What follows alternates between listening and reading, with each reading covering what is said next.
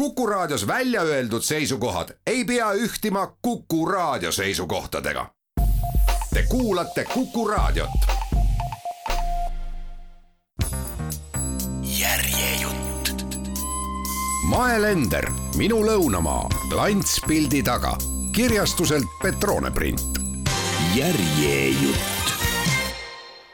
Türgi saunast olen küll unistanud aga kuna ma ei ole Türgis veel käinud, siis otsustan oma unistuse täitmisega oodata, kuni saan selle võrratu kogemuse just sauna päritolumaal. ühel oktoobrikuu heitlike ilmadega päeval tundub paras hetk olevat. vist peaks siinkohal ka mainima, et see on mul tulevase abikaasaga esimene ühine reis ja saunas käik on eestlastel teatavasti üks romantilis praktilisemaid ettevõtmisi üleüldse hotelli administraatoriga peame kahel õhtul pikki ja enda arvates tulemuslikke vestlusi kogu Istanbuli saunadest. tagantjärele tarkusena söandan nüüd väita, et see vestlus käis ilmselt algusest peale ühe ja kindla sauna kohta. järgmisel õhtul ongi meil hotelli ees minibuss, kuhu rõõmsalt sisse kalpsame. vast armunutena ei pööra me hamami sissepääsule vähimatki tähelepanu ei mäleta seda kirjutamise hetkelgi ja kuna keerulised Türgi nimed ei taha ju kergesti meelde jääda, kõik on mingid Aliid ja Bassad ja Suleimanid, siis ei saa ka mälu värskendada. küllap see mõni neist kesklinnas asuvatest arvukatest saunadest on, sest teekond meie kesklinnas asuvast hotellist sinna on napp. aga sees, ohohohoo, seal oleme raputatud ja loksutatud kohe hüppavad mingid tüübid ligi ja kukuvad meie väikest minibussi seltskonda laiali harutama.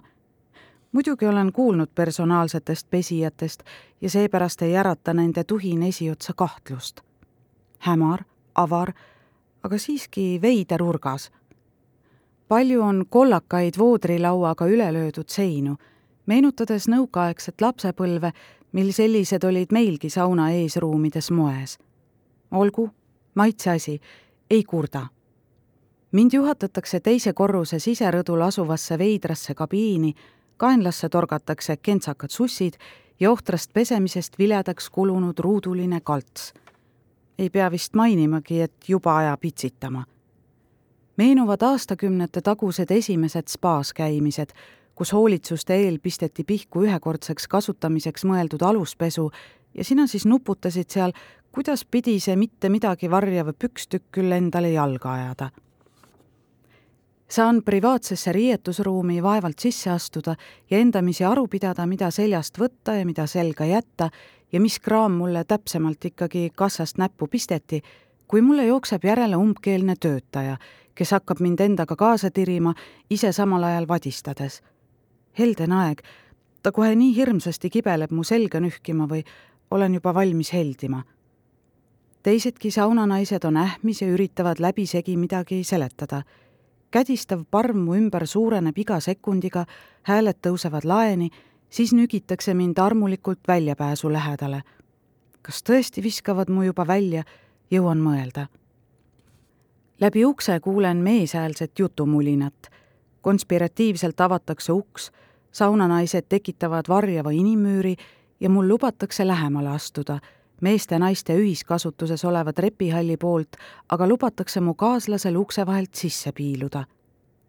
kogu kamba selgituste peale saan aru, et mingit ühissauna ei tule ja nüüd on see hetk, kas üldse loobuda ja tõmmata uttu või siiski jätkata seda veidrat ristikäiku.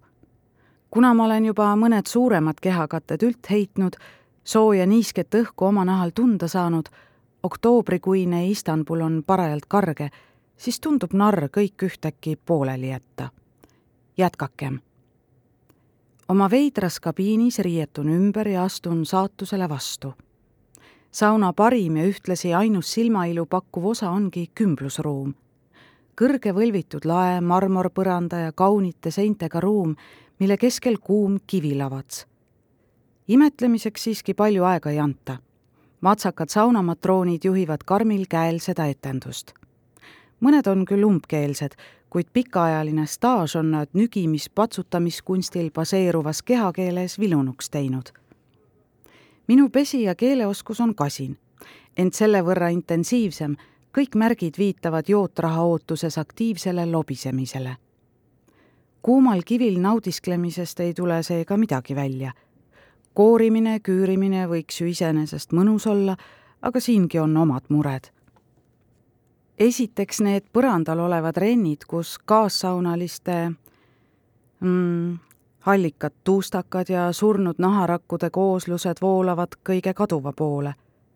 ootan õudusega, millal minu omad liikvele lähevad, lootuses, et need on siiski kröömike heledamad võrreldes mu tumedanahalise naabrinna omadega. järgmisel hetkel tõmbub kõht pingest krampi, kui näen loputusprotseduuri, kus saunanaine põhimõtteliselt lajatab kausitäie vett pähe. olgu kohe öeldud, et ma ei oska ujuda ja kuigi hamamis ei pandagi kedagi ujuma, on mitteujujale nägupidi vees olemine kohe päris vastukarva. üritan kogu selle nühkimise ja padjapüüriga vahu kloppimise vahel puristades saunamammile oma muret teatavaks teha. esiotsa saab ta hoopis aru, et vajan enese loputamiseks ilmtingimata mitut kausitäit vett ja jagabki kolleegile korralduse mulle kausse lisaks tuua. minu võim saab pantomiimi peale, kõnevõime olen juba suurest hirmust kaotanud, kupatab mu aga siiski üksi kraani alt kaussi vett laskma ja end loputama.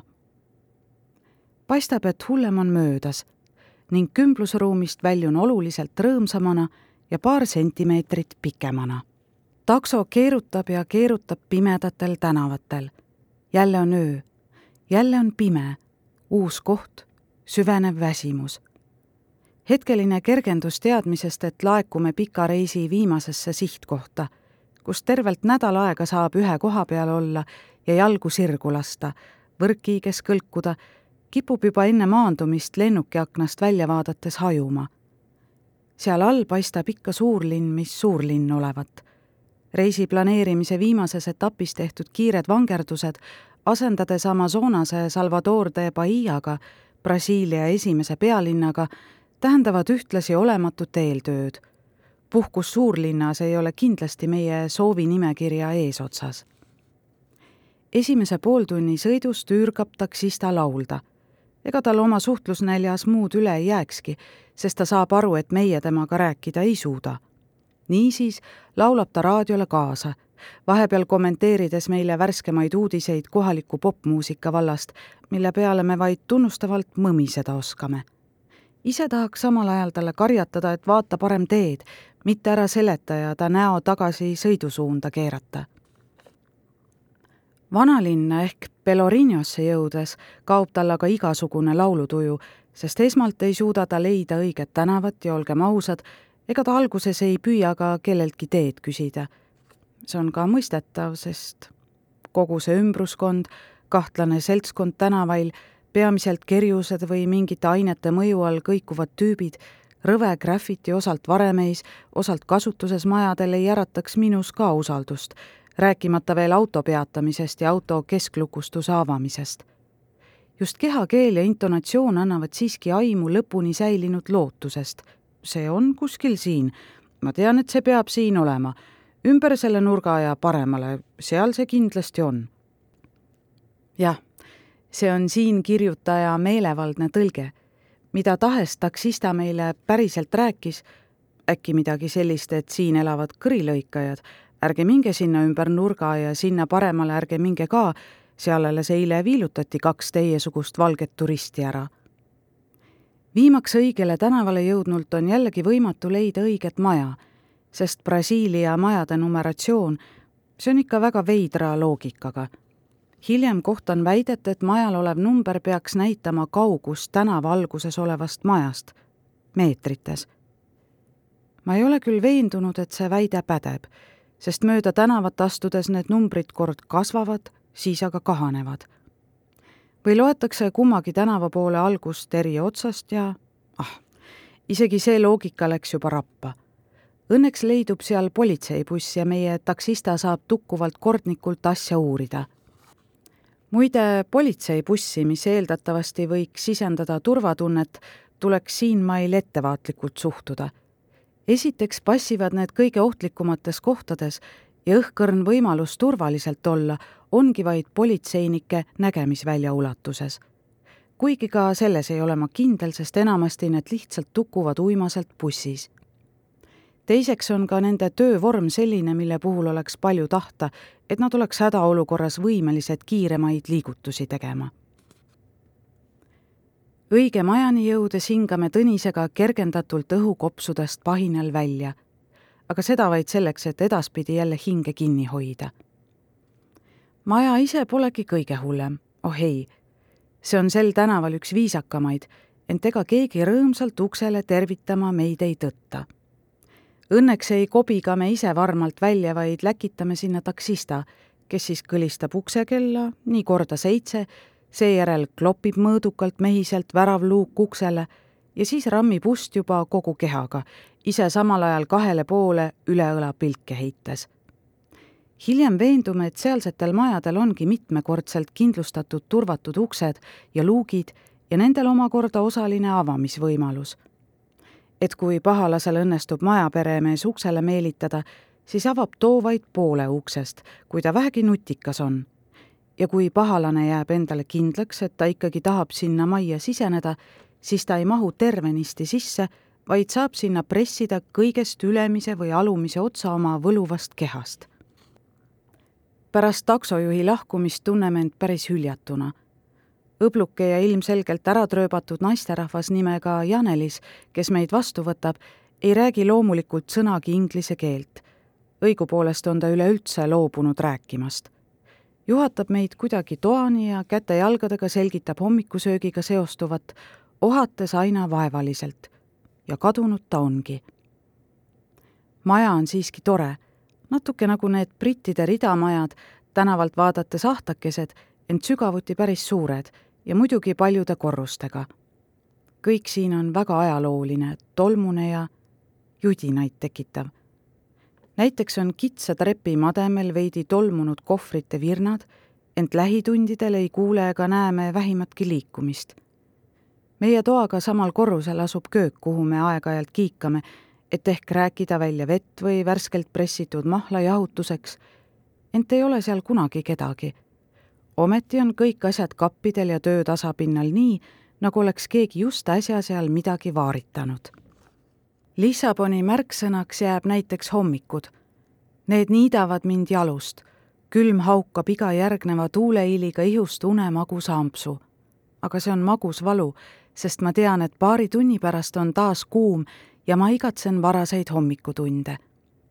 või siis need pühapäeva hommikused võrdlemisi tühjad tänavad küpsemas eelseisva ootuses. eilsed pidulised on varjunud oma tubadesse ja kõnniteedel liiguvad üksikud asjalikud kohalikud. kohaliku ehituskunsti nautimiseks on see täiuslik aeg, sest enamik ärisid on alles suletud ja seega ei tõmba mu pilku kiiskavad vaateaknad või välja sätitud kaubavalik ka rahvamassid ei piira vaatevälja. järgmiseks märksõnaks on pastellariiad. ma kahetsen juba ette kõiki neid järgmisi peatuskohti, kus meid ootab ees ette tellitud hommikusöök. praktilise meelega eestlasena ei saa ma ju jätta seal söömata. Aga olgu see siis mulle ja teistele õpetuseks, et Portugalis ei maksa pöörata ülearu palju tähelepanu majutusasutustes pakutavale hommikusöögile pastellariiad on iga nurga peal, eriti mõnus on neid avastada lõhna peale. sa rühid inimtühjal kurvilisel käänulisel kitsal tänaval mäest üles, kui järsku tunned magusa rammusat kiusatuse lõhna ninna tungimas. Isegi jahedavõitu maiasmokana ei suuda need aroomid külmaks jätta. ma kujutan neid lõhnamolekule ette kuidas nad keerduvad ja koonduvad ja lahknevad ja kord kiiremini, kord aeglasemalt mööda mäekülge üles või alla tungivad. mõni pagariäri on inimtühi, kuigi harva, mõni puupüsti rahvast täis. meeletu sumin, lauad on väikesed, toolid veelgi pisemad ja kõik need on tihedalt kõrvuti.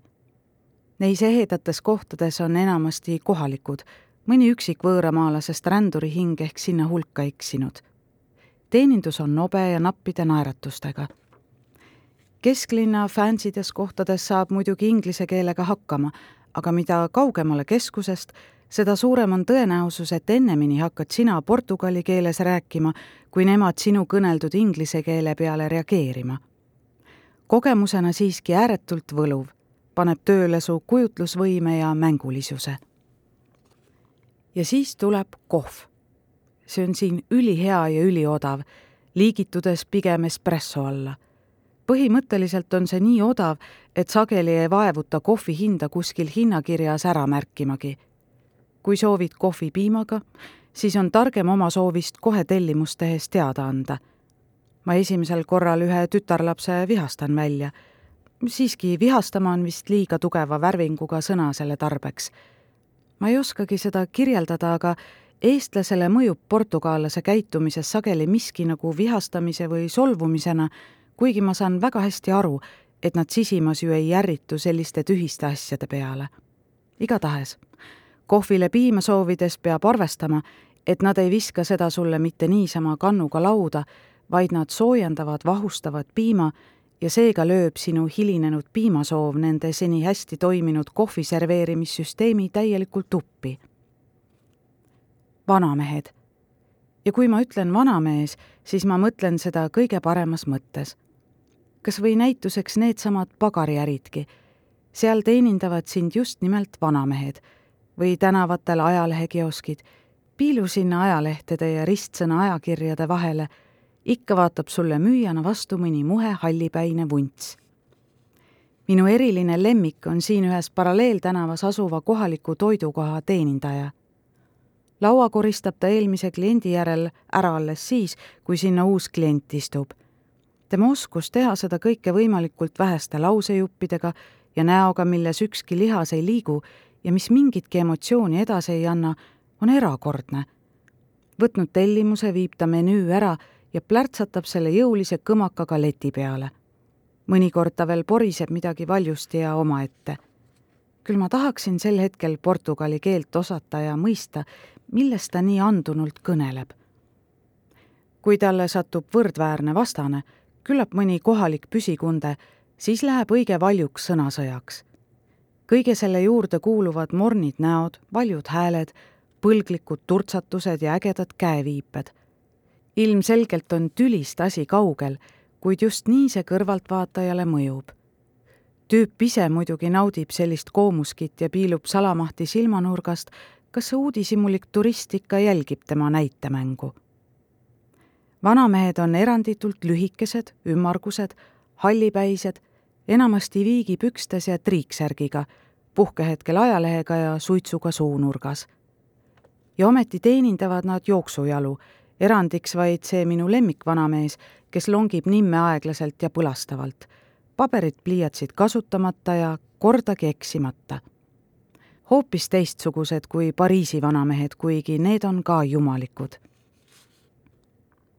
tänavad. väikesed läikivad libedad tänavakivid. sa kas ronid neid mööda üles või tuled pidurdades alla. ja kui ei olegi just mõnd mäge või küngast, siis on tänav lainetav ja muhklik. siinsetel vapratel pensionäridel kulub vist üksjagu puusaliigeseid. üks päev jälgin, kuidas üks pisike präänik abirataste abil sõita üritab. vaesed vanemad kes peavad pidevalt korralikult kiirendama, kui see kaadervärk mäest alla hakkab veerema. teisalt tuleb jälle tagant lükata, et üles saada. ja nii kogu aeg. küll on Eestis ikka lihtne rattasõitu õppida, mõtlen. Seda, et piimaga on Kuubal mingid segased lood, olen ma muidugi enne lugenud väidetavalt on see Defka või üldse talongikaup, mis mõeldud kuni seitsmeaastastele lastele ei tea, kas see ka tänapäeval nii on. toidupoes piima ei märka, aga ega päris täpselt teagi, mis kujul ja millisest riiulist seda otsida. esimeses Havanna öömajas üllatab nii piim kui ka piima ja kohvi koguseline suhe. Kohv tuuakse neljale inimesele lauda kõige pisemas presskannus, mida ma üldse näinud olen. Eestis oleks see ühele inimesele mõeldud kogus suudame tüdrukult edaspidi ikka teise kannu lisaks kaubelda. piim, vastupidi, laekub lauale morsikannus ja tulikuumana. see on isegi tore, nõus. natuke paneb mõtisklema küll, kui kannus piima iga hommikuga vähemaks jääb. Kui see lõpuks kohvitassis tükkis ja klimpis hulbib, on selge, et neiu võttis me piimaportsu praktilise perenaisena esimesel hommikul välja ja sama portsu me siis igal hommikul ülesoojendatuna ka saame. Vinjalese perenaised on taibukamad ja teavad, et kliendile ei maksa näidata, mida too sisse joob. Nemad peidavad piima läbipaistmatusse termoskannu. piim on kohvi peal aus ja meil etteheiteid pole. Piima leiame termosest veel kolmes öömajas raudpolt kindel reegel on, et piima sisaldav termos on laual alati kõige suurem, väiksematesse pannakse siis teevesi ja kohv. seesugune loogika jääbki meile lõpuni arusaamatuks. kas kohv on mõeldud piima maitsestamiseks või mis? kaks öömaja on aga edumeelsemad ja neis pannakse piim kenasti kannukesse.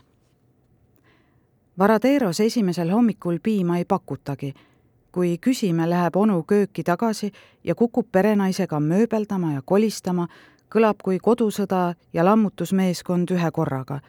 seejärel laekub onkel kilekotis oleva tuvastamatu tumekollase külmunud kamakaga, tehes meile kehakeeles selgeks, et sellest klombist pole lähitundidel kohvi peale midagi loota. mõni mõis, joome siis mustalt. teisel hommikul on piim laual, kannus ja puha lisaks toob onu uhke näoga teise samasuguse kannu. arusaadavatel põhjustel valime kohvi peale kallamiseks selle piima, mille pealmine kiht vähem kollane ja sisaldab vähem sätendavaid rasvamullikesi. nagu juba eespool mainitud, on kõige viisakam hommikusöök Cienfuegoses. siin pakutakse kohvi peenemast masinast, tuuakse kohe tassis lauale, moodne roostevaba piimakannuke on mõeldud igaühele eraldi piim on tavatult valget värvi ja ei mingeid põnevaid moodustisi kohvi peale tekitamas, nagu restoraanis. väljas me kohvi eriti ei telligi, vaid üks kord kusagil sõidus olles ja tankla peatust tehes.